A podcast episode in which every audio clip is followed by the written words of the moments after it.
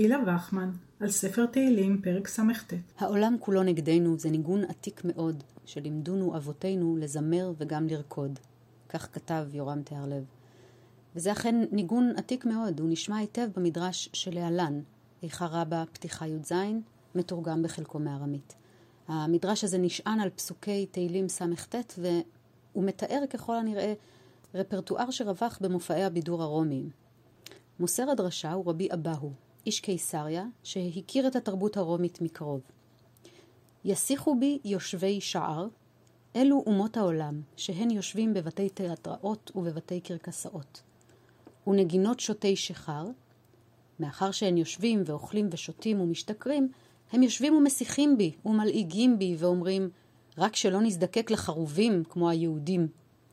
והם אומרים אלו לאלו, כמה שנים אתה מבקש לחיות? ועונים, כמו חלוק השבת של היהודים.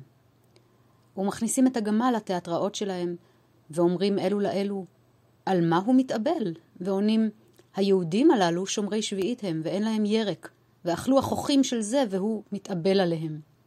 ומכניסים את המימוס, כלומר השחקן, הפנטומימאי, לתיאטרון שלהם, וראשו מגולח, ואומרים אלו לאלו, על מה ראשו של זה מגולח? והוא אומר, היהודים הללו שומרי שבתות הן, וכל מה שהם יגעים כל ימות השבת, אוכלים בשבת, ואין להם עצים לבשל בהם, והם שוברים מיטותיהם ומבשלים בהם, והם ישנים בארץ ומתעפרים באפר, ושחין בשמן, לפיכך השמן ביוקר, ולכן הוא גילח את ראשו, שלא יצטרך לסוך ראשו בשמן.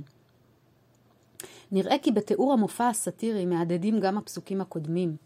מוזר הייתי לאחי ונוכרי לבני אמי, ואבכה בצום נפשי, ותהי לחרפות לי, ואתנה לבושי שק, ואהי להם למשל.